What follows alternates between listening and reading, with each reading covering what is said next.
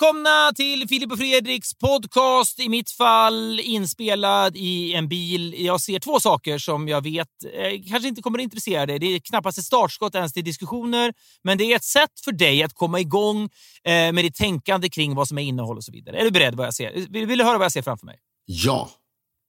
Jag ser, jag står eh, på Gärdet i Stockholm, parkerad, eh, snett bakom Sveriges Television. Kan du förstå vad jag syftar till att jag nästan ser här? ja, men ser du den där ambassaden, som, eller den där byggnaden som SVTs gamla, numera bortgångne VD Sam Nilsson Mm. Söp bort i en bastu Ja. till, någon, till några finnar?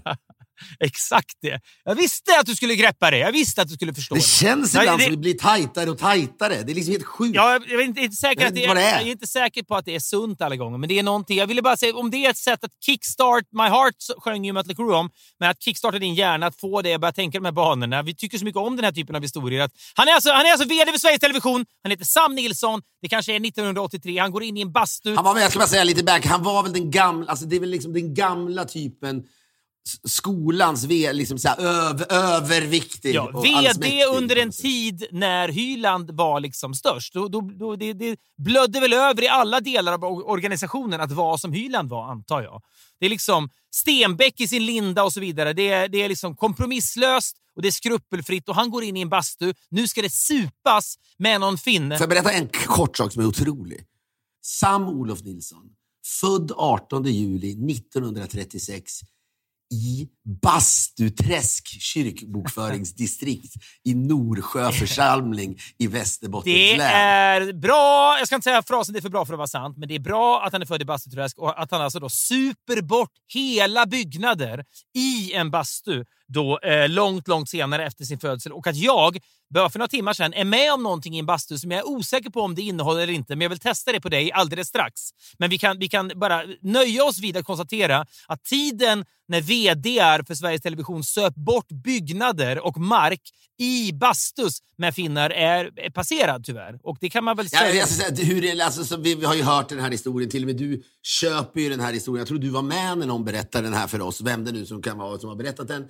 Eh, men det, för att säga, det var väl inte så att liksom, han, han ägde inte byggnaden, utan det var väl liksom leasen då. Så här, 35 års lease för den här byggnaden. Mm. Ja. När folk kanske liksom, ja, det var, det var så det funkar antar jag. Om Ja. du, så här, Ja, men jag, det, jag, jag ser framför mig att dagen efter den här bastusittningen, som är någon slags bastusittningarnas bastusittning, går Sam Nilsson då in till sin sekreterare och säger ja, det blir lite stökigt igår. Eh, det blir lite administrativt jobb här nu, för eh, liksom, stora delar av vår mark här är nu inte längre vår, utan vi, vi förfogar inte längre över den. Varför inte då, säger sekreteraren. Äh, jag, jag kan inte gå in på detaljer, lös det bara. Jag tycker det är någonting i det som också känns... här, det var där vi hade, vid den här byggnaden där vi skulle nu göra liksom SVT Dramas nya lokaler. det är i finsk ägo. I numera. finsk Jaha. ägo. Ja. Ja, men, men, det är den tiden, jag vill bara säga, den tiden är spännande när affärer gjordes upp i, eh, i bastus. Mm. Eh, jag, vet, jag har inga fler exempel, men jag, eller jo, på ett sätt har jag det. Men när min pappas kusin eh, Bo Hammar, som Mm. han hette, som var partisekreterare, pratade om säkert någon gång, i, när de hette Vänsterpartiet Kommunisterna. Hyllar annat. inte med det då, nej. Nej, precis. Men sen så skrev han boken då, Ett långt farväl till kommunismen lite senare. Vilket man kan, det är väl lätt att göra antar Det jag. hade varit, sen. det, hade varit, det, det är poetiskt med, med frasen ett långt farväl till kommunismen, men det hade varit kul om den hetat ett, ett blixtsnabbt farväl till kommunismen. Jag vände på en femöring. Ett kompendie. Ja, verkligen. Blixtsnabbt. Ja, men han berättade, kommer man nu träffa någon gång, du vet, han bjöds ju ner till du vet, de hängde ju ner i med du vet, Ceausescu, sov i hans palats där och du vet, bjöds ner till Östtyskland och kunde på sommarsemestrar i de här olika små... Liksom, de hade byggt upp massa sommar sommarsamhällen där då, där alla hade väl rätt till en liten stuga. Eh, det var som att allt var ett, he, hela Östtyskland var väl en timeshare i princip. Va? Man kunde, jo, men det var väl så var det väl även i Sverige också tror jag, att, i Köping. Jag har Alltså- inte liksom riktig koll på vad timeshare är. Jag vet bara, vi, vi hyrde en stuga i Trillevallen av pappas jobb en gång i veckan. Eller en Ja, gång men du köper en lägenhet och så är det liksom 20 ägare och så får man Ja. x antal veckor per år. Sådär. Och det, var liksom, det, det var sånt de sysslade med. Men han berättade då, om jag inte minns fel, det tror ändå inte han gjorde, men att Lars Werner, som Mm. då var den partiledaren då, En partiledare i Sam Nilssons skola kan man väl säga. Ja, Kraftig och precis. bastusk. Ja. ja precis, stor och liksom känns inte som han spottade i glaset. Det, Han, drack väl, han drack väl nästan ihjäl sig. Var det så? Ja, det kanske var så. Men då var det tydligen, då hade de bastukvällar på liksom östtyska ambassaden. Där Lars Werner satt och liksom med då östtyska eh, ambassadören och, och snacka om grejer och liksom inte fan vet jag. Jag menar herregud, det fanns väl kanske spioner eh, i, i, i Sverige då naturligtvis. Östtyska spioner eller vad fan som helst. Jag orkar inte. Jan Guillou ska inte få slå mig på fingrarna här och säga vad fan snackar Nej, de om? Men det var väl sånt. Men det är någonting med den där, jag tycker att det är lite synd någonstans. För jag tror inte att det här görs i samma utsträckning längre. Nej, men på samma sätt som att det bastuklubbar också då i, i gayvärlden, i- alltså framförallt får man väl ändå säga, jag tror artisten Bette Midler slog igenom hon sjöng ju bara låten eh, My favorite waste of time som är otrolig som vi kan avsluta podden med. Men att hon slog igenom på bastuklubb, hon uppträdde på bastuklubbar. Liksom folk kom direkt från dark rooms i, i liksom 80 grader värme. Sen går man in och lyssnar på lite Bette Midler, sen går man in och knullar nio snubbar till liksom inom, inom loppet av kanske 20 minuter. Det fanns väl även i Stockholm i mindre utsträckning antar jag. Men det där tycker tror jag är... att det kan finnas. Allt det där hände de, på de, he- 80-talet. Jag tror också, nu tror jag så här, det fanns, ibland så hette de väl bastuklubbar sen och kanske inte var bastuklubbar också. Ja, kanske. Jag vet inte. Får jag, får jag bara berätta då? Det- Alltså, det är bara timmar sedan, det här är bara en slump då. Eh, att jag satt och bastade och var med om någonting som är...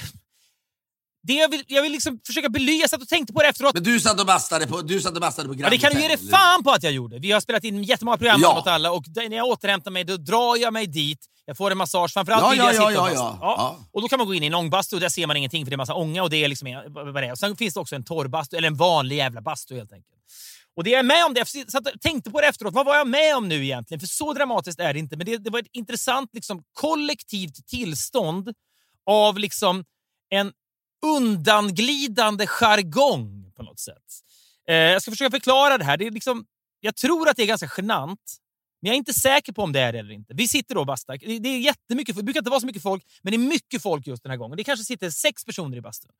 Och Grand Hotel är ju Grand Hotel. Man kan vara medlem där. Jag är inte det, men det är mycket så att man ser Björn och Benny där ibland, Tommy Körberg. Det är liksom, det är, det är liksom en, en styrelserumsk känsla. Det känns- Idol, eh, idoldomaren Alexander Kronlund är väl där ibland också? Han är där ibland också, Lite ja, yngre. Ja. Så kan det vara. Ja, sänkt ribba för yngre får man säga, men, men absolut. Men många som är där är ju människor som jobbar med finans och det är liksom styrelserumskänsla påfallande ofta då i den där bastun. Och så är det den här gången också. Eh, det, vi sitter kanske fem personer i bastun till en början. Jag har mina badbyxor på mig. De andra har eh, handdukar runt livet, som man säger. Så kommer det in en man som är helt naken, eh, går omkring obekymrat utanför bastun, naken. Han kommer in och sätter sig i bastun, naken, och, och liksom bresar med benen. Och han är Gissa om han är väldigt välutrustad eller om han inte är. Ja, jag antar att han är välutrustad. Det är som. Ja. ja. Eno ja, men enormt, enormt. Eh, och så är det. Och han är den enda som sitter och liksom bresar ordentligt. Och det, är liksom, det, är helt, det, som, det som finns där är otroligt. Och jag, blicken vandrar dit ibland, jag försöker låta bli, men det är, liksom, det är någonting och det är som ett... Det är, som En ding-ding-värld. Det är liksom en ding-ding-värld som utspelar sig. Liksom, det är inget snack om att alla, män, alla männen i bastun har liksom låtit blicken vandra dit, noterat detta, framförallt för att han är naken. Ingen annan är ju det. Sen kanske det går sju minuter. Sen går han ut naken och går ner i kallbadet som är utanför. Doppar sig och ligger, han flyter på mage i det här kallbadet på ett märkligt sätt. Ligger där rituellt länge. Det ser ut som en död kropp som ligger där. Så kommer han tillbaka in. Precis då när han går upp ur kallbadet så kommer det in någon av de här kvinnorna som jobbar på Grand Hotel. Går in, de knackar alltid innan de går in, men ibland så råkar de ju gå in då när det är nakna människor där. Och då, då, ja, då är det en kvinna där inne och han går upp ur den här, kommer in och sen så sätter han sig och säger han ja det är typiskt att det kommer in en kvinna precis när man kommer upp ur kallbadet. säger han. Och Det han då menar är att liksom penis kan krympa när man har varit i iskallt vatten, vilket den ju gör. Ja, ja, ja, det är liksom jargongigt ja, naturligtvis. Ja. Det, där, bör, där börjar jargongen. För där inträder då ett skrockande skratt. Även från mig. Alla skrockar förstår och relaterar till känslan. Eh, och Jag känner att nu är jag en del i en jargong. Jag är fortfarande i någon slags inspelningsmode från Alla mot alla när man pratar oavbrutet. Så jag är liksom så här, ah, det var ingen fara på taket, säger jag. Och det skrockas på lite till. Och så säger han till mig då, den här mannen med den stora kuken, säger så, ja, vadå, eh, hon tittade inte eller? Och då, långsamt, i, i och med att det här, jargongen och skrocken går långsamt över till att det är en diskussion mellan honom och mig plötsligt. Så de andra tystnar mer och mer och vill inte ha med det här snacket att göra. Medan han och jag plötsligt pratar om det som har hänt. Och Jag försöker konstigt förklara det här. Men, och jag säger så, nej, nej. Eh, jag, eh, jag, jag, tror, jag vet inte om hon tittade eller inte. Men oavsett så, så är, är, det liksom, har, är det lugnt för dig, säger jag. För det jag menar är, du har ju så, det spelar ingen roll om du badar kallt. Du har ju en jätte... Du, det, Om den krymper, om den blir 10, 10% mindre så spelar det ingen roll. det är fortfarande en jättepjäs, det är det jag försöker säga. Och han, fatt, han är så överraskad att jag säger något. Men det är väldigt det är, så att säga, det är ovanligt med en annan man tror jag som ändå har för en diskussion om sånt där. Det där kanske man gjorde i, en, liksom, i ett omklädningsrum i Köping. Ja. Mm. Men i Grand Hotels spa så känns det som man inte riktigt adresserar storleken på en annan ma- mans pjäs. Nej, och, det är inte, jag har inte riktigt gjort det till en början. För Jag säger bara det är ingen fara på taket. Han missförstår mig. Okej, hon tittade inte. Eh, jag säger då ja, men det kanske hon gjorde, men det spelar väl liksom ingen riktig roll för dig. Ja, hur menar du då? säger han. För han blir genuint... Jag vet inte om han försöker provocera mig eller något. Alla andra är jättetysta. Så det, plus är det han och jag som pratar där inne. Och Jag vet inte vad jag ska säga då. Så till slut så säger jag bara men du har ju en väldigt stor kuk.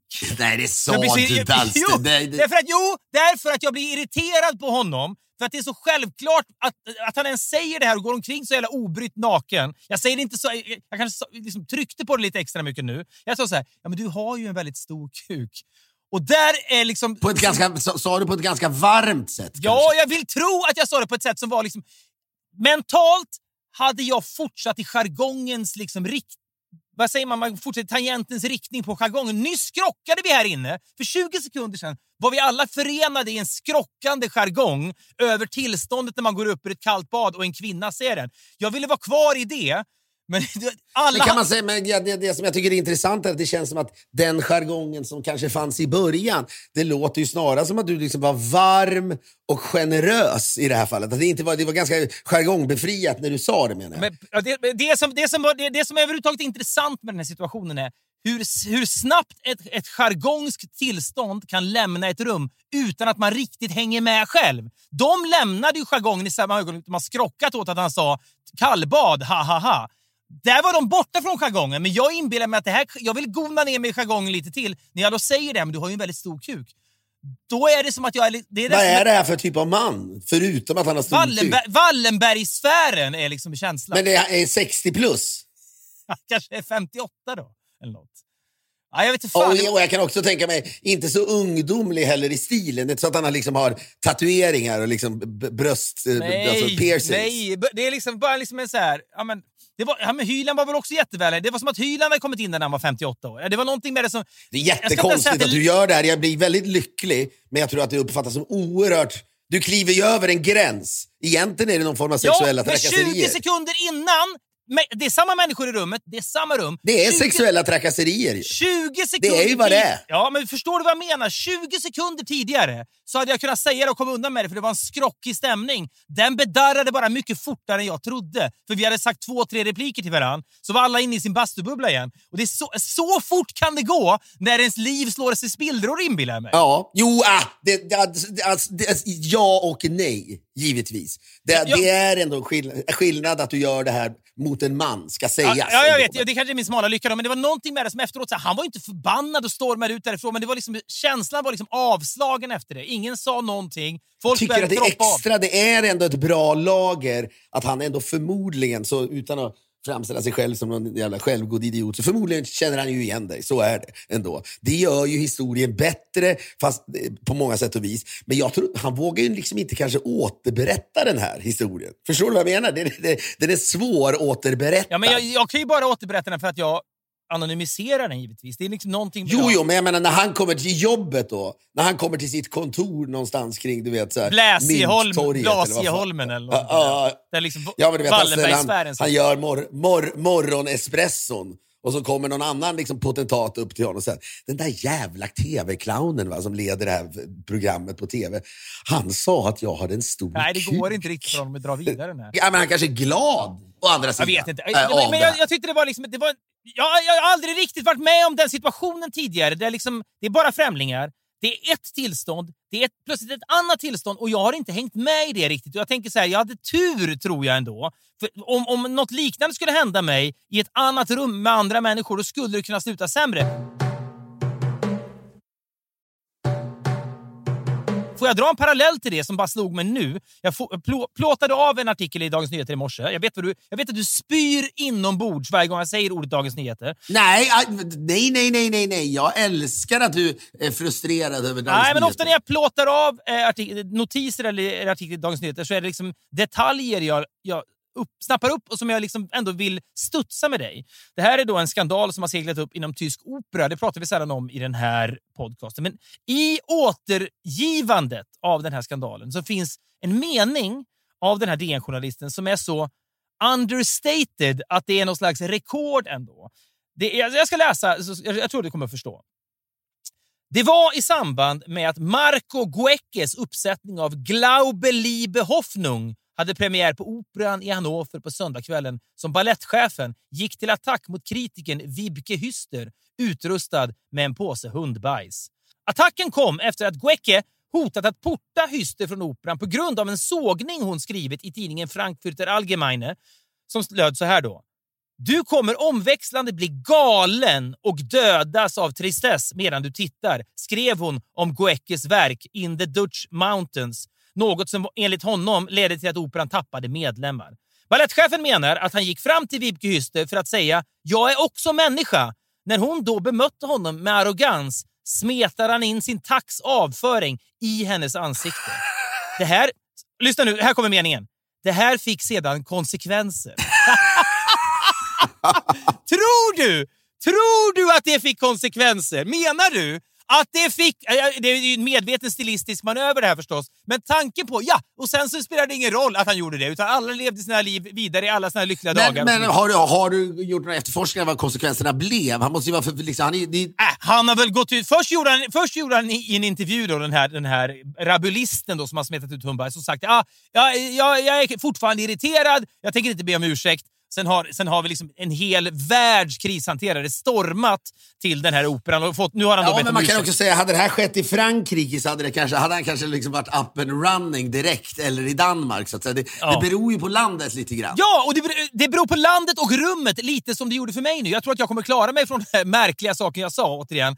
Men han, i Tyskland, det kommer inte att sluta väl för honom. Han kommer, ju, han kommer tillbringa 20 år med att be om ursäkt. Ja, men det, det räcker väl inte. Alltså, men, det, men det måste ju vara någon slags mentalsjukdom inblandad ändå. Alltså, jag, I'm all for it, som du förstår. Jag känner ju inte kvinnan som fick det i ansiktet. Eh, Det hade lika gärna kunnat Nej. varit en man. Men som, som, liksom, som grepp betraktat, jag är inte all for, men jag är ju liksom, det, det, underhållningsvärdet är ju 100 procent i det. Alltså, det, det intressant med det också är ju att alltså, jag, jag har tänkt en del på just hur liksom snabbt det kan gå. Det kan liksom vara man är på en slutfest för Robinson och vill ta en bil och sen så tar man ett beslut och pang så är det liksom två års avstängning. Jo. Det går ju fort. Liksom. Jo, jo. Ja, men, ja, men det är ett exempel. Det finns massa, massa, massa, massa exempel de senaste åren. Och jag menar, jag får mina fruktansvärda vredesutbrott när jag, när jag liksom golfar eller spelar paddel. Och jag, jag är liksom en annan människa i minuter. Eh, men och den här mannen, är, ja, men det, har ju, det brinner ju i huvudet på den här mannen då, som är så känns förorättad då. Jo, men han av ändå tagit här, på ett sätt brinner det ju inte 100 procent, Exakt. för han har ju ändå plockat Nej. med sig hundbajset. Han har ju bevisligen en hundbajspåse med sig. Den där jävla påsen, jag som då, gång efter, du vet, inte jätteofta, men jag går ändå ut med hundarna. Ett, tio sekunder efter att man knyter ihop den där påsen, då vill man ju vara av med den. Han har ju burit runt på den där jäveln. Ja, men han, är ju lite, han är ju en sko, på så sätt är han ju en skobombare. Det, det, Ja. det, det, det, finns ju en plan här. Men han kan ju ha tagit med sig en ifall jag får feeling, kan han ju ha resonerat för sig själv. Jo, men det är någonting med det som inte... Det är liksom inte... Det är, då, är det, då går det så väldigt lång tid från plocka upp hundbajset till, in, till synes impulsiv handling att man så här, jag plockar upp det här bajset. Jag vet vad, jag slänger det inte i papperskorgen. Ifall jag träffar henne om sju timmar, då vill jag ha den här påsen som fast inte borde lukta, ändå luktar lite genom den här påsen. Den ska jag bära runt i min dyra kavaj som så här, opera liksom, chef har förmodligen. Ja, det är någonting med det som Ja, inte men det, det gör väl att han, att, att det gör ju agnarna från vetet eh, eh, tänk här. För att det är klart, om han hade sagt och sen gav han henne en lavett. Ja. Då är det, jag vet att vi pratade i vår, eh, faktiskt i vår andra podd. I den så tror jag det var vi pratade om när man har skämts över varandra och så vidare. Och någon gång så, ja, det handlade, jag berättade då bland annat om att du rapade en person i ansiktet som, skulle, som ni skulle testa kläder med. Det som, ja, det som är, jag, jag måste ju alltså, givetvis försvara mig där. Att jag, den här människan var väldigt mycket kortare än jag, så jag rapade kanske två decimeter över den här människan ändå. Och det kom plötsligt och det var, det, det var inte... Jo, ja, men det är väl lik förbannat. Det var ju liksom en ordentlig rap, så att säga. Ja, det finns inga egentliga ursäkter, men det, det förmildras något av att rapen liksom egentligen seglade långt Ja, över. ja, jag, jag förstår att Vet du vad? när- Rapen hade en så- ordentlig marschhöjd. Den liksom, det var som en här kinesisk Ja, spionballong, långt, långt upp. Exakt. Nu är vi uppe i stratosfären. Ja. Men jag, jag menar, vad vi pratade då om, och det är lite så att, att man som människa, det är en av de största hoten mot sig själv, liksom, som vi alla har. Alltså som ett, det är ett ständigt hot som man inte kanske är så medveten om. Det är ju att man ibland som människa liksom glömmer bort tid och rum och kontext och vem man är och allting. Det är ju de Det här... finns ju en historia om, om eh, Tom Hanks, att han en gång glömde bort att han var Tom Hanks och gick in på någon stor McDonalds någonstans och inte kom ut därifrån på sex timmar för han var tvungen att ta så mycket bilder och skriva autografer. Det, det, det är oklart om det stämmer och det kan vara Ja, men är det inte något, hur är det när man nyser? Det är väl någon som säger att när man nyser är man medvetslös då i några Ja, men det är en tiondel sekund kanske. Jag vet inte. Men det är Jo, jo, men det är lite, jo, men det finns ändå parallell där i det här att det sker ändå. Man ska, du vet, ja, visst, du hade kanske tur att den där personen då inte var längre i det där läget. Men överlag så det. är man, man kan liksom, och det här tror jag är helt omöjligt att kontrollera. Plötsligt Men gör grejen är, man det människor, bara. människor som 100% garderar sig mot den här typen av, liksom, jag ska inte säga illdåd. De är tråkiga människor. Klavertramp blir ju fruktansvärt tråkiga människor. Det går liksom inte att vara med dem. Människor som, om de ska säga något juicy skvaller eller något, något härligt om någon annan människa, måste vända sig om 20 gånger fast man kanske sitter ensam i en bil för de tänker, man vet aldrig ifall det är någon här. Man tappar liksom sugen på att lyssna på den typen av människor. Man tycker ju om risktagare i någon Men det är ju människor som sitter själva med, med, med, liksom munskydd i en bil fortfarande. Ja. I princip. Ja, det, var- det, ja. ja. så att, ja, men visst. Men, man, men, men det är ju bara liksom fingers crossed för en själv att man inte att, att, att det liksom inte sker oftare då att man gör något. För det här är ju också sånt, det här har ju inte alls med liksom berusning att göra.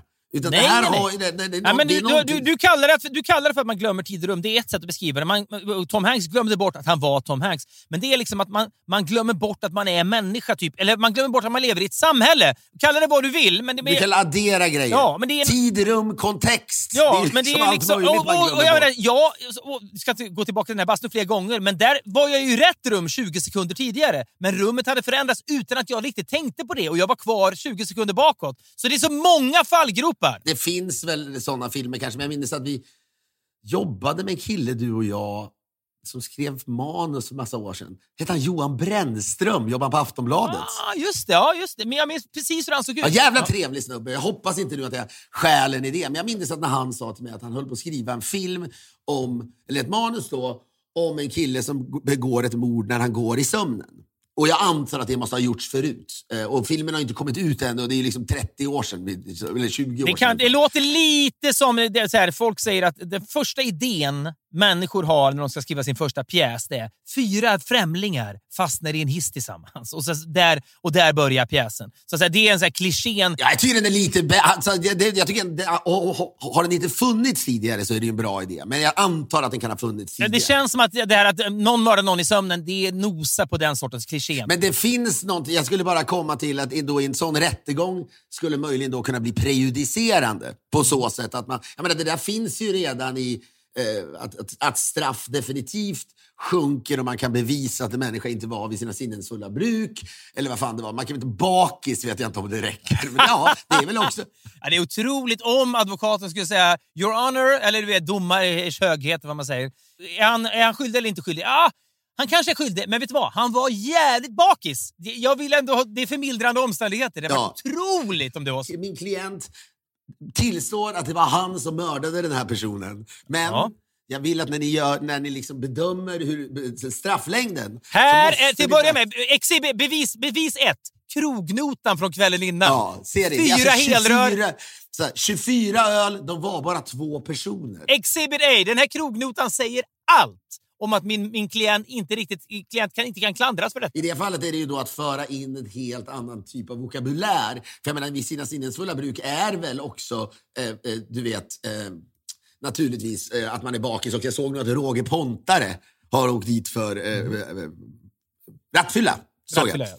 Ja. Det var ju klassiskt. 1,67 promille. Ja, mycket, ja, det, Ja, det är mycket. satt i Eller? Det är mycket kanske. Jag, jag har inte så jävla koll på det där. För jag, eh, kör. Nej, men jag, jag kommer, apropå det, jag kommer ihåg en gång när jag hade varit ute på något jävla... Jag, jag kommer ihåg vi bodde på Åsensgatan i Bromma. För jag, jag har tydligt minne av att det har varit otroligt hårt drickande. Jag går ut i bilen, jag ska åka till jobbet och eh, familjen har, barnen är på dagis, eh, Johanna har dragit iväg. Det är bara jag, sätter mig i Så bilen. här, jag har redan kört så barnen till dagis. Jag har kört Nej, barnen. nej, nej. Det var gångavstånd som du var. Men så sitter jag där och så tänker jag, det är något som inte stämmer. Det är någonting nu som känns fel när jag sitter här. Jag har suttit bakom den här ratten en massa gånger. Min, gamla, min blåa Ford Focus. Här har jag suttit förut.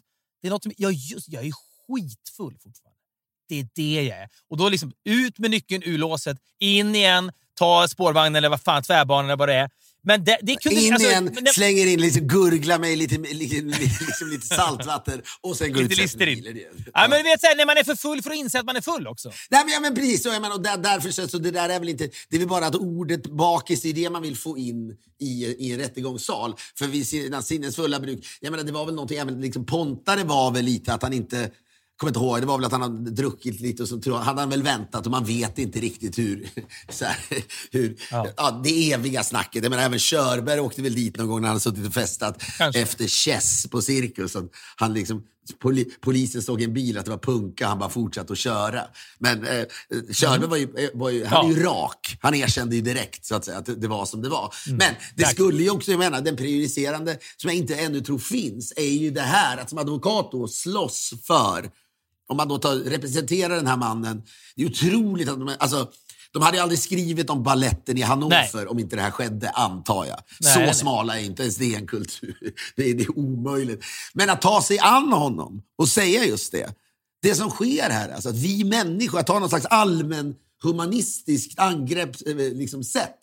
Att vända sig mot domaren. Även du, herr domare, lever ständigt under hotet av att göra något liknande. Men det är väl, det faller ju. Det gör ju det med att den här personen då har med sig Fast vet du, tänk om det är så att han inte hade bara...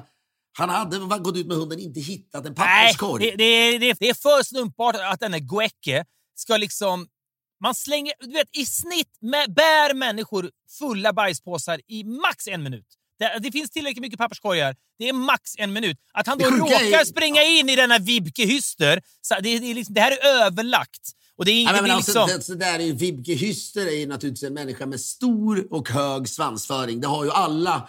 alla men när, hon eh, skri- men när hon skriver du kommer omväxlande bli galen och dödas av Hon vill ju tristess. trycka dit honom. Ja, Ja, det, det, det är det är ett lustmord. Men det, det, det motiverar ju inte det Ja, här. men jo, men jag skulle säga det. det. Det gör ju också att man tycker... Det tycker jag borde... Om du så här, det borde beaktas Ja. när domen ska fastställas. Ja, vet- ja. Att, här, om jag hade läst i tidningen så här, ja, jag sitter, jag sitter hemma i LA och sen så läser jag då på morgonen att liksom, Johan Kroneman har sågat då Alla mot alla Ja. och att Fredrik Wikingsson har smetat in honom med hunden Bobs Ja, bajs ja. i ansiktet. Ja. jo men, hypotetiskt. Jag säger Ja, ja, det- jag, jag, jag är helt med dig. Jag är Ja, helt det första som skulle ske är ju att jag hade ställt mig upp och jublat. Sprungit runt triumfatoriskt i hela huset som att liksom, Ja, jag det är det bästa, bästa som har skett. Men jag det hade ju varit intressant då. Alltså, så här, det är ju ändå så, man skulle inte heller... Det är inte så många som hade tyckt synd om Johan Kroneman. Folk Ja, men varit på- nej, det är, På det, grund av svansföringen, Det, det känns ju som att Vib, Vibke Ryster är lite Johan Kroneman i Hannover, det vill säga en människa som, och det, är, det här är ju klart att eh, recensenter vill ju vara vassa, men har haft en vass penna och blir mest läst, mest viral och mest omtyckt när de dammar till, tvålar till människor liksom efter hon har då själv hävdat att hon ibland har hyllat den här Goecke, så jag, jag blandar och ger. Men det är klart att det här är ju en vass skribent Och det kan vara så att in the court of public opinion kan det verkligen bli så. Ja, jag älskar Kroneman när han är brutal och i Hannover älskar de liksom Ryster när hon är brutal. Men det finns också ett latent behov. Ja, ja, men det kan vara skönt att den där jäveln får tillbaka lite, hur inhuman behandlingen än blir. Ja, men det här är ju ändå människor som ägnar sina liv åt, man kan tycka vad man vill om det och ibland så har man väl, det är sällan jag garvar åt vad Johan Kroneman skriver, men de ägnar ju sina liv åt att, att liksom på så, så liksom fiffigt sätt som möjligt Lite- att liksom ja. trycka dit folk och ta heder och ära ära. Alltså, Alltid själva kallar de väl alltid att det är liksom någon måste granska det här. Det är väl liksom, vad är det man säger? Det är liksom, de menar att det är ungefär som att de har det samma program som liksom Sverker Olofsson har, eller hade, som heter det Plus, Mm. Ja. när han kastar ner saker Plus. in på... Jo, men skillnaden Ja, men att det är en viktig då har du ju ett samhälls- helt det är för- liksom jo, men en det är ett företag. Det här är ju alltid en person som oftast När det dit. pratades under pandemin om samhällsbärande funktioner så tycker de här människorna, Ryster och Kronor, att de har samhällsbärande funktioner. så att säga. Ja, men det är väl de är mer, det är väl liksom, att, är liksom pressfrihet och så vidare, men det de glömmer bort Ja, är... men allt det. Ja, men, jag har väl ingenting generellt emot det, men det är ju alltid en svansföring som gör att jag tycker mindre synd om henne ändå. Det gör jag. Men det är, det är ju, jag tycker aldrig mindre om mig själv som människa än när jag njuter av en Johan Kroneman-sågning av någon, om ett annat program som inte är mitt eget. Du gör det alltså? ja, men, ja och det, då, då, då sitter jag vid frukostbordet och försöker liksom Ändå hatar du Johan Kroneman. Framförallt, jag, jag har aldrig träffat honom, men allt han har skrivit om oss, det är liksom så här, ja, ja, men han gör ju det. Han gör, gör ju precis vad han vill. Men jag har verkligen känt ett enormt hat för detta. Och jag vet att jag får ta det. Jag, liksom, jag ställer mig på liksom arenan, då får man utsätta Jävlar är ju att han blir liksom lite nöjd. Han blir ju nöjd Nej, men över det det. också. Det Men det när jag sitter hemma och då läser att han sågar något program på TV4 eller något sånt där, du vet, något som jag själv kanske inte tycker är något vidare. Den njutningen som sipprar upp i mig då och den Du vällusten. måste börja Det, stävja det. ja, men det är den äckligaste känslan. Jag tycker aldrig sämre om mig själv ändå. Då tycker jag så illa om mig själv så jag knappt vill, jag knappt vill lämna lägenheten. Det är liksom bara, den här dagen får börja om. Jag, jag kan, det är hemskt. Ja, men, och, ja, men, och det är därför, men du hade ju också jublat om du hade hört att jag hade liksom åkt hem till Johan Kroneman, knackat på dörren och tryckt upp baj, hundbajs i ansiktet på. Du hade ju också mått bra av det, eller hur? Du hade ju inte tagit avstånd från min, min, min handling, antar jag. Nej, det är klart jag inte hade gjort. Men det är också det är, det är så infamt alltihopa. Liksom. Men, men det är ju... Det är, Ja men, ja, men vet du vad? Jag tycker ändå sen när jag hörde det där, för du snuddade vid det där häromdagen. Absolut, man hade kunnat tänkt att det skulle kunna vara något mycket mer... Eh, jag vet att min mamma berättade att hon var, när hon eh, gick i skolan, så var hon inte bra i gymnastik och hon var lite överviktig och hon hade en gymnastiklärare som mobbade henne. Skrattade åt henne för att hon inte kunde göra vissa övningar och, och, och så vidare. Sen så utbildade min mamma sig till lärare. Eh, och eh, plötsligt, så, eh, några år senare, så eh, blir hon då lärarkandidat, som det väl hette på den tiden. kanske det heter nu också. Någon slags AT-tjänst som lärare. På en skola där den här gymnastikläraren också är lärare då. Som är mycket, mycket äldre. Och då berättar mamma att eh, hon, när den här, de möts i någon dörröppning så fäller mamma krokben på den här då. kvinnliga eh, idrottsläraren. Och den här idrottsläraren bryter benet. Och mamma då får då sen liksom, herregud förlåt, vad är det jag gör? Trodde då den här gymnastikläraren att din mamma hade fällt den avsiktligt eller att det var bara en olycka? Nej, olycka, tror jag. Vilket ju gör... Ja. Det gör ja, men då, då blev det mer en, liksom en, en seger för min mamma som hon kunde bära runt på själv. Och sen när Ja. liksom preskriptionstiden har gått ut kunna berätta den för andra. Sippra ut, ja. Men, men och det där det är, ju, det är också elegant, men det är någonting som gör... Det blir ju konst, även om jag hatar människor som ska prata om att allt kan bli konst. Men det är ju någonting i det totalt barnsliga. Det, är liksom, det, går, inte, det går knappt att liksom fantisera ihop något barnsligare än att smeta in Ja. liksom, hundbajs i ansiktet på Johan Kroneman, så att säga. På tal om både konst och, och, och, ehm, och barnsligt. Jag hoppas att det här är okej att berätta. Det är så länge sedan och Lars Lerin har ju pratat ut jätteofta om sina... Vi tycker jättemycket om honom. Vi har haft med, liksom, med honom i program och vi liksom... Ja, men vi skulle Ja, ja, ja, nu håller du krattar för att kunna säga någonting du inte riktigt vet om du kan säga. Nej, men, men alltså, och jag, och han har ju pratat ut om sitt destruktiva förflutet. Jag tror inte den här historien är så farlig. Men, men Ernst Billgren är ju med i Alla mot alla nu. Vi spelar ju med sin dotter Elsa. De är underbara där. Och Då berättar han bara att han och Lars Lerin kände varandra för jättelänge sedan. Alltså på den tiden det fanns ett Östtyskland. Så de tågluffar genom Östtyskland. Vad kan det vara? 1985, 86 kanske? Det är som ett, liksom ett, ett, ett rocktåg på något sätt som Ja. inte stod på scen.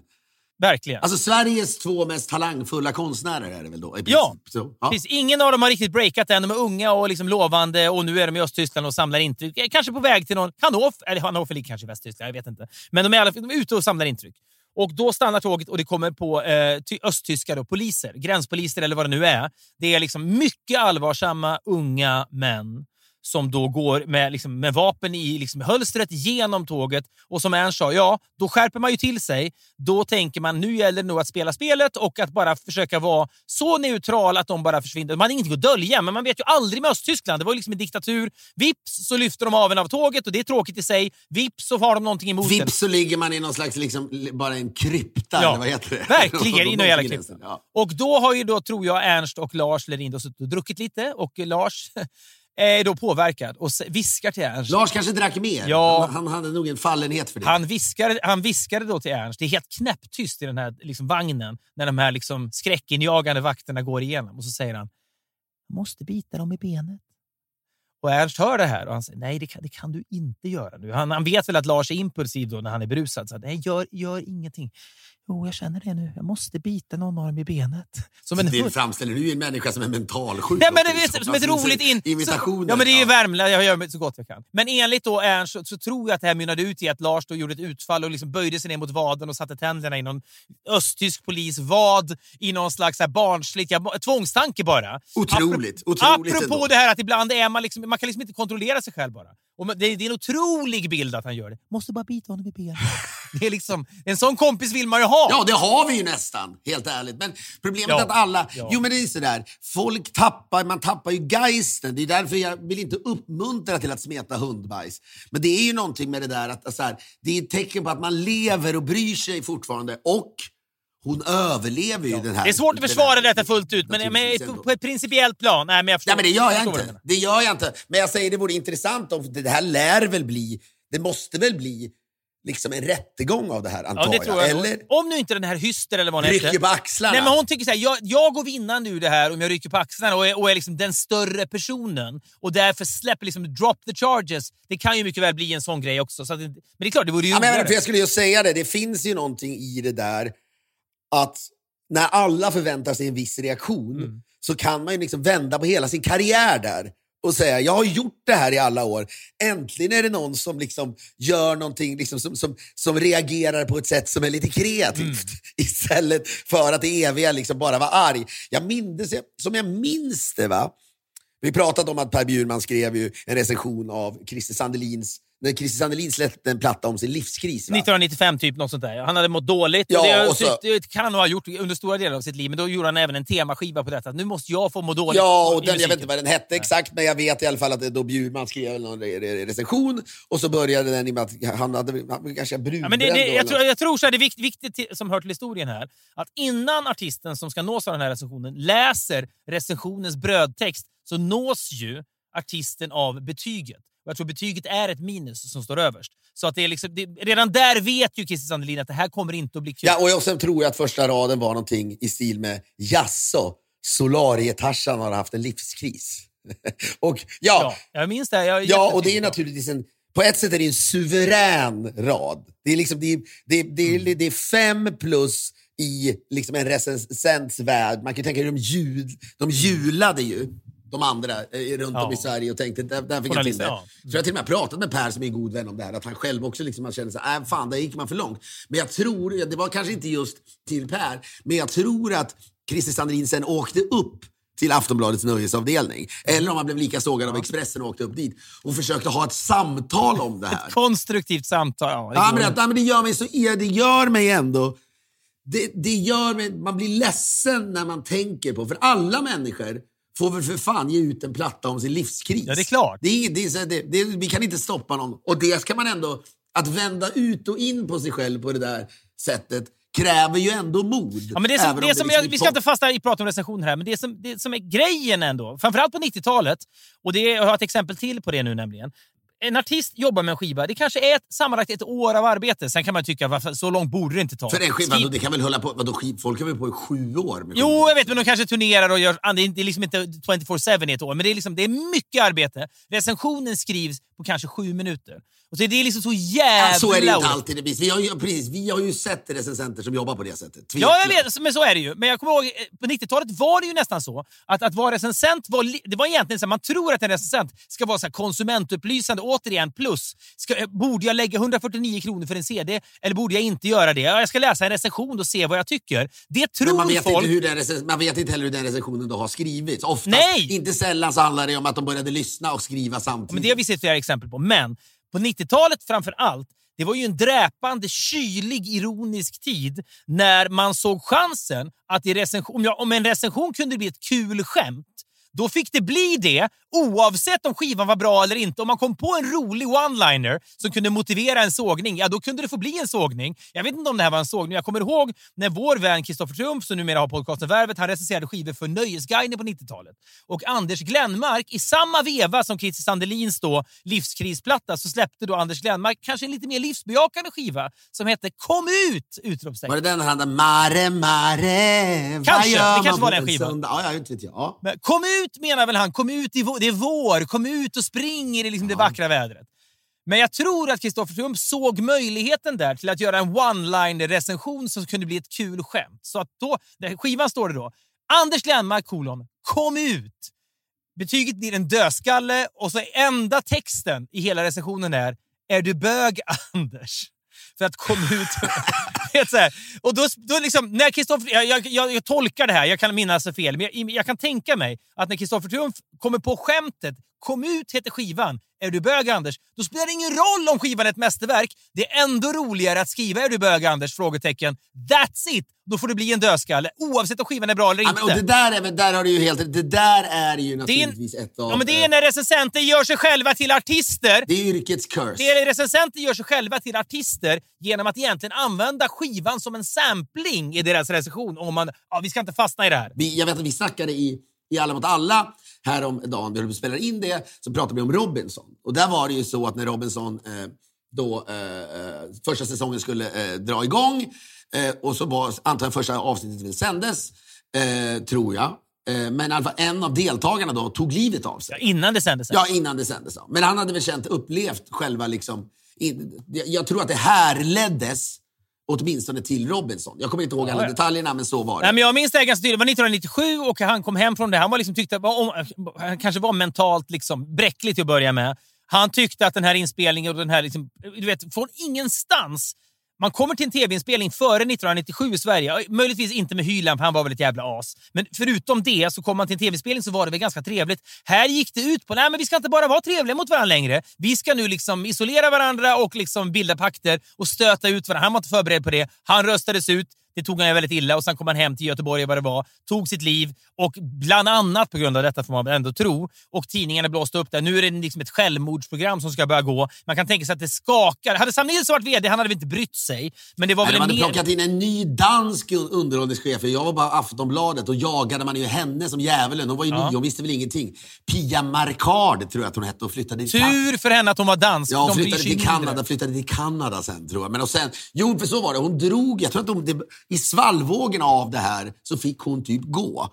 Och sen blev, för Sverige var ju liksom det första landet på jorden tror jag, va? Som gjorde eh, Robinson tror jag. Jag tror Eh, faktiskt det. Ja. Ja, och sen det var ett engelskt format och som gjorde om så vidare. Men jag ska bara säga, det är intressant när jag tänker på det här bara och det du just nu säger att vi lever i en tid där det, det är, alltså vi pratar ju nu om print sådär eh, och där är det, det är nästan det är, man kan ju vara riktigt jävla raffinerad i print. Sen är de ju även raffinerade. Simon Cowell har ju fått lite lines skrivna och det har väl liksom svenska Idoljuryn också. Och så här. Det är väldigt mycket skrivet såklart. Men vi lever i en tid nu, och det har vi gjort länge, där det är okej att liksom slakta folks drömmar. Man kan liksom säga till folk i deras Ja. ansikte att de är värdelösa. Man kan, man kan till och med argumentera för att det är mer, men det är mer gångbart nu än... i- Nu säger du print, det är liksom papperstidning man tänker på då, men liksom, det blir ju viralt och skickas runt när det är sågningar. En en 3 plus-recension har ju aldrig skickats runt av en enda människa till någon. Knappt en 5 plus-recension heller. Men det är ju, det var något exempel, en massa nyhets, ni vet, TV4-människor, nyhetsankorna kallar de sig, Lennart Ekdal, Malou von Sivers, några till, Bengt Magnusson kanske.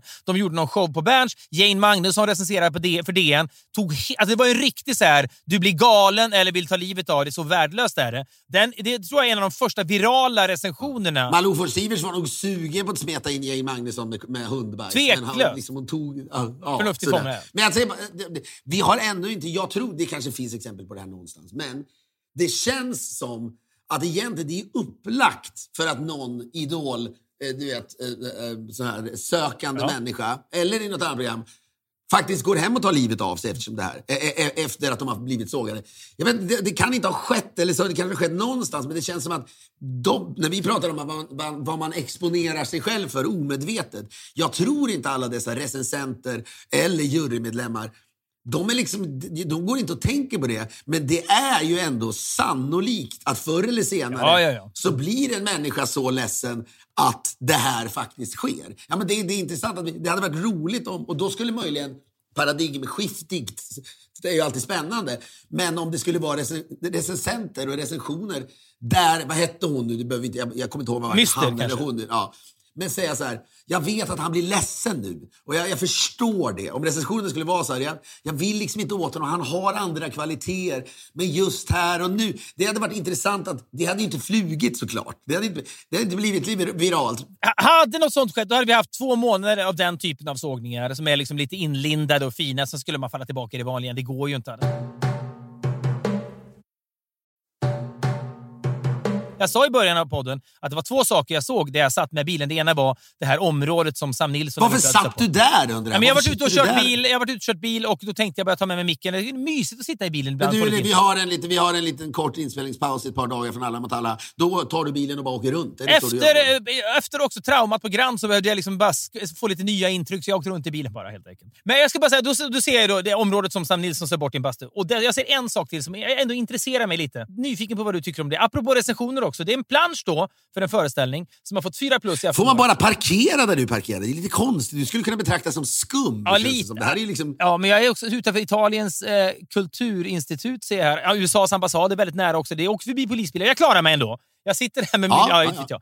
Det här är en föreställning som har fått fyra plus i Aftonbladet och en femma i någon märklig... Eh, på scen heter den. Eh, fem stående ovationer för detta. då.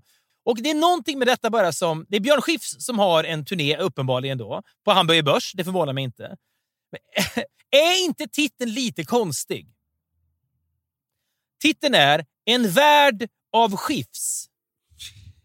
Ja, jag förstår vad du menar. Det är Vad väl när menas man, med när det? Man, när man de här... Eh, vi återvänder... Alltså, när, när det är en uppenbar biggest loser, biggest loser, så att säga. När man ser den otroliga titeln. Ja, antingen, den typen av titlar har antingen Biggest Loser eller liksom eh, du vet, En värld av skifs tarvar en ordvits. Är det en ordvits jag Ja, missar? men vet du vad? Jag tror att det heter det Shima... Shima... Nia Virani. Eh, ja, precis. Hon ska göra en show nu såg jag. Den heter ju Shima is a punk rocker. Ja, jättetydligt. Kina is a punk rocker finns Jättebra. Ja, Alex James, eh, som var basist i Blur, som drack mycket på 90-talet, han släppte ju memoarerna Bit of a Blur, som är en perfekt Ja, jättebra. Perfekt, ja. 90-talet för honom var som en dimma, och, du vet, så här, och han var a bit of a blur, för han var en del av Blur. Ja, ja, ja, ja, ja. En Ja. värld av skifs. Är det någonting med det som, som funkar, som jag inte fattar, som du kan hjälpa mig att tyda? Ja, men så här, hade det varit, hade du vet, hade det varit så här, det här är Marie-Louise Ekmans nya show, eller Susanne Ostens. Ja. Då hade jag kunnat tänka, jag är inte tillräckligt smart, eller det är någonting här, det finns Ja. symboler. Du vet, så här, Ruben Östlund. Ja, Ruben ja, men, Östlund. ja, men Ruben hade du ju fattat. Så jävla raffinerad är inte han. Ja, det är sant. Det är En sant. Det är opera, mer än en, opera, en opera i Hannover, då hade man tänkt okej, det här är någonting jag inte begriper. Det här är för highbrow för mig. Men han har ju inte rosat marknaden med liksom eftertänksamhet, Björn Skifs. Nej. Jag kommer ihåg när Tommy Körberg hade, Tommy Körberg hade en föreställning. Han hade några år när han gjorde massa olika... Så här, du vet, jag, jag tolkar det här. Jag såg Körberg rakt upp och ner. Hette det inte det? Exakt! Han hade en föreställning. Till slut har han, nu har jag testat lite olika koncept. Jag har haft lite olika titlar som är lite fyndiga. Jag orkar inte längre. Nu heter den bara Tommy Körberg, rakt upp och ner. Vet du vad det är? Det är både slöhet kanske, men också väldigt bra. Ja, För att det är exakt. så här, det där du, what you see is what you När get. man gör det basic till sin, e- till sin styrka på något sätt. Vet du vad? Det behövs inte mer. Men är det första tecken på demens? Liksom, Björn Skifs, Skifs är ju en man som naturligtvis i 50 år, han är gammal Björn Skifs, du vet han är 80 Ja, kanske. ja, jag, vill inte, jag vill knappt tänka på det. Ja, men, inte, men, men skit i det då. Men så här, Vet du vad? Han har varit omgiven, jag vill bara säga att har du varit omgiven av ja-sägare i fyra, fem decennier, Ja. det är då sånt här sker. Ja, men det, det är lite samma sak som när, när nyheten då för någon vecka sedan kablades ut att det ska komma en, en ny säsong av Pang i bygget. För första, det, jag tror, det gjorde två Nej, säsonger. det får det inte göra. Vad fan är det frågan om? 1976, 1978 typ. De har skilt sig för mycket. Då gjordes det sex avsnitt plus sex avsnitt. 12 avsnitt. That's it. Det är förutom rasismen eh, en, en serie som är kul fortfarande. Typ, jag tror inte barnen skulle gilla det, men det är någonting med... Den är ett smärre mirakel. När det då kommer ut att nu ska han göra en ny säsong, hans dotter ska vara med på något sätt. Han har väl skilt sig massa gånger. Nu ska liksom Basil Fawlty ha blivit 82 år gammal, så gammal som John Cleese är. Vad gör han idag? Det är vad serien handlar om. Då tänker alla så här, vilken katastrof. Jag tänker för mig själv, tänk om det skulle bli kul. Tänk om han skulle lyckas göra det kul. Vilken jävla bragd det vore. Jag vill så jävla... men Det är så, här, det är så öppet mål att man ska pissa på det. Så här, fan vad galet. Vet, så här. Ja, då tänker jag bara så här, är det en chans på tusen att det där blir bra, så vill jag tro. Jag vill tro mer på det än på liksom reinkarnation. Ja, jag förstår. Det är jag nu samtidigt här försöker kolla, när jag försöker läsa om det någonstans, jag är inne på en av Skifs då, Mm. Showtick. Där står det bara en musikalisk kavalkad direkt ur Björn Skifs värld. är det det? Jag vet inte. Men vet du vad? Om Elon Musk hade varit artist och gjort en lång karriär på samma sätt som Björn Skifs och så hade det stått så här, en värld av mask och så i inom parentes. Då hade det varit en tydlig, okej, mus, ana- inom mask, musik, det hänger ihop på något sätt. Men det, i det här fallet, jag förstår det inte. Ja, det står ju också så här, också står det då. Björn Skifs behöver egentligen inte någon närmare presentation. Nej. Det hade varit en coolare titel på en show. Jättebra. Björn Skifs behöver inge, inte, inte någon närmare presentation. egentligen ska vara med också. Björn Skifs Ja. behöver egentligen ingen närmare presentation. Vilken jävla drömtitel. Långrandig möjligen. Det här är ju Skifs rakt upp och ner. Såklart. Ja, fast utan den sortens liksom rycka på axlarna. Men han verkar ha gjort här, ska jag säga. Redan förra året så gjorde han ju... Det släpptes någon Vilket liv! utropstecken. Björn Skifs. Det verkar vara flera avsnitt. En annan turné. Ja, men det verkar ju vara liksom en, någon slags då, dokumentärserie om honom. Kanske. Ja, just det. Det kan nog stämma. Ja, men den kan ju också, vilket liv! Utropstecken. Ja, han, det är ju inte direkt att han smetade in sig själv med bajs. Det är liksom, det är så, vil, det är liksom vilket liv, Han har inte gått upp till Anders Björkman på Expressen och smetat in honom med bajs. Vilket liv! Utropstecken. Jag, jag förstår vad ni menar, men han, det stämmer inte. Men det kan jag åtminstone köpa. Det är liksom, han har ju, han har liksom inte haft en, en minneslucka i hela sitt liv, känns det som. Nej. Det som är sanningen här då innan vi avrundar, men det är ju naturligtvis att han i, i, i meningen, han behöver egentligen ingen närmare presentation. Han kan ju också kalla en show vad fan som helst och slänga in sitt Ja. namn och det funkar. Jag vet, men... Av då- den anledningen. Ja, vi ska väl inte vara liksom karriärcoacher till Björn Skifs. Ja, men ibland är jag desperat. Ibland slänger man ut så här. Kan ni svara på det här? Mejla till podcast.podff.com och så vidare. Problemet här är att det finns ingen riktig gåta ju. Ja, men tänk om det gör det! Nej, men. Finns det någon som jobbar med produktionen Ja. som kan skvallra? Eller Björn Skifs I själv? vanliga fall när vi innehåll av den här typen av saker så är det ju mycket mer gåtfullt. Det vill säga, vad, vad menar de med den här titeln? I det här fallet, ja, det är ju bara en sladdrig titel. Men, det, Ja, men tänk om det inte är så? Det kanske finns en bok som heter Av Skifs eller någonting. men på samma sätt som jag, det är en på tusen att Pangebygget blir bra och jag vill tro, så är det en på tusen att det finns en dold tanke i en värld med Skifs och du vill tro på den. Där förenas vi. Ja, men, men, men för ibland så blir man desperat för, för svar. Jag hade, jag hade feber i morse, så jag, jag vet inte när jag har det senast. Liksom. Och så bara tyckte jag det det är så här, ja, men du vet, spelade in och var lite jobbigt. Så, ja, men så hade jag väl 38 och 5. Du vet, eller vad det är. Alltid avrundat uppåt. Ja, men, men då, tänkte, då tänkte jag också Man så här, avrundar uppåt. Det är som en 3 plus recension att ha 38 och 5. Ja, Eller det är därför det är förvånande att du säger 38,5 för varenda man, det jag ska inte alltid prata om mancold. Nej, men det var ju därför jag ville säga det. För jag tänkte just apropå att vara intresserad på frågor. Ja, när du säger att du har 38,5 och inte som alla andra gör 39 graders feber. Så man, autom- 38,2 blir ju 39 graders feber. Så när du säger och tillstår att du har 38,5 då är det som att kalla sin show för en värld av skifs. Ja, men jag menar, jag, jag, jag skulle just, när jag tänkte på det så tänkte jag, vad är det här när man har 38 och 5? Det är liksom sånt jävla mellanmjölk. Det är väl ingen anledning att gå till en vårdcentral då? Och då tänkte jag, ja gud, då kan man få något svar av någon som säger det. Men det känns som att feber är väl bara, alltså feber är nu satt. Jag vet inte, när, när har man feber? Det är väl typ 38 och 5. Då har man feber. Men när jag, när jag sitter i bastun och säger du har en väldigt stor kuk, då har jag ju 38,5 för jag sitter i en bastu. Det är, det är en temperatur man kommer upp Jag tänkte, borde man inte dra upp du har feber till 39,5. Ja, att det är först då man har feber. Alltså att det, de har skapat en yta för sjukskrivningar Ja, genom att lägga ribban för feber så lågt, känns Det det, var, som. Sam Nilsson hade inte gillat det. Nej, det hade han inte. Ni vet hur mycket vi tycker om att ha den här stunden tillsammans. Bette Midler sjöng alltså “You're my favorite waste of time”. Man kan på ett sätt kalla den här knappa timmen för a waste of time, men om det är ett waste of Och time... vill ni wastea ännu mer time så kan ni faktiskt också lyssna på vår äh, andra podd, Filip och Fredrik svarar. Det är något annat. Verkligen. Det är också kul. Vi tackar för uppmärksamheten. Vi älskar att ni är med oss. Vi hörs igen om en vecka. Hej! You're my, baby, you're my favorite waste of time.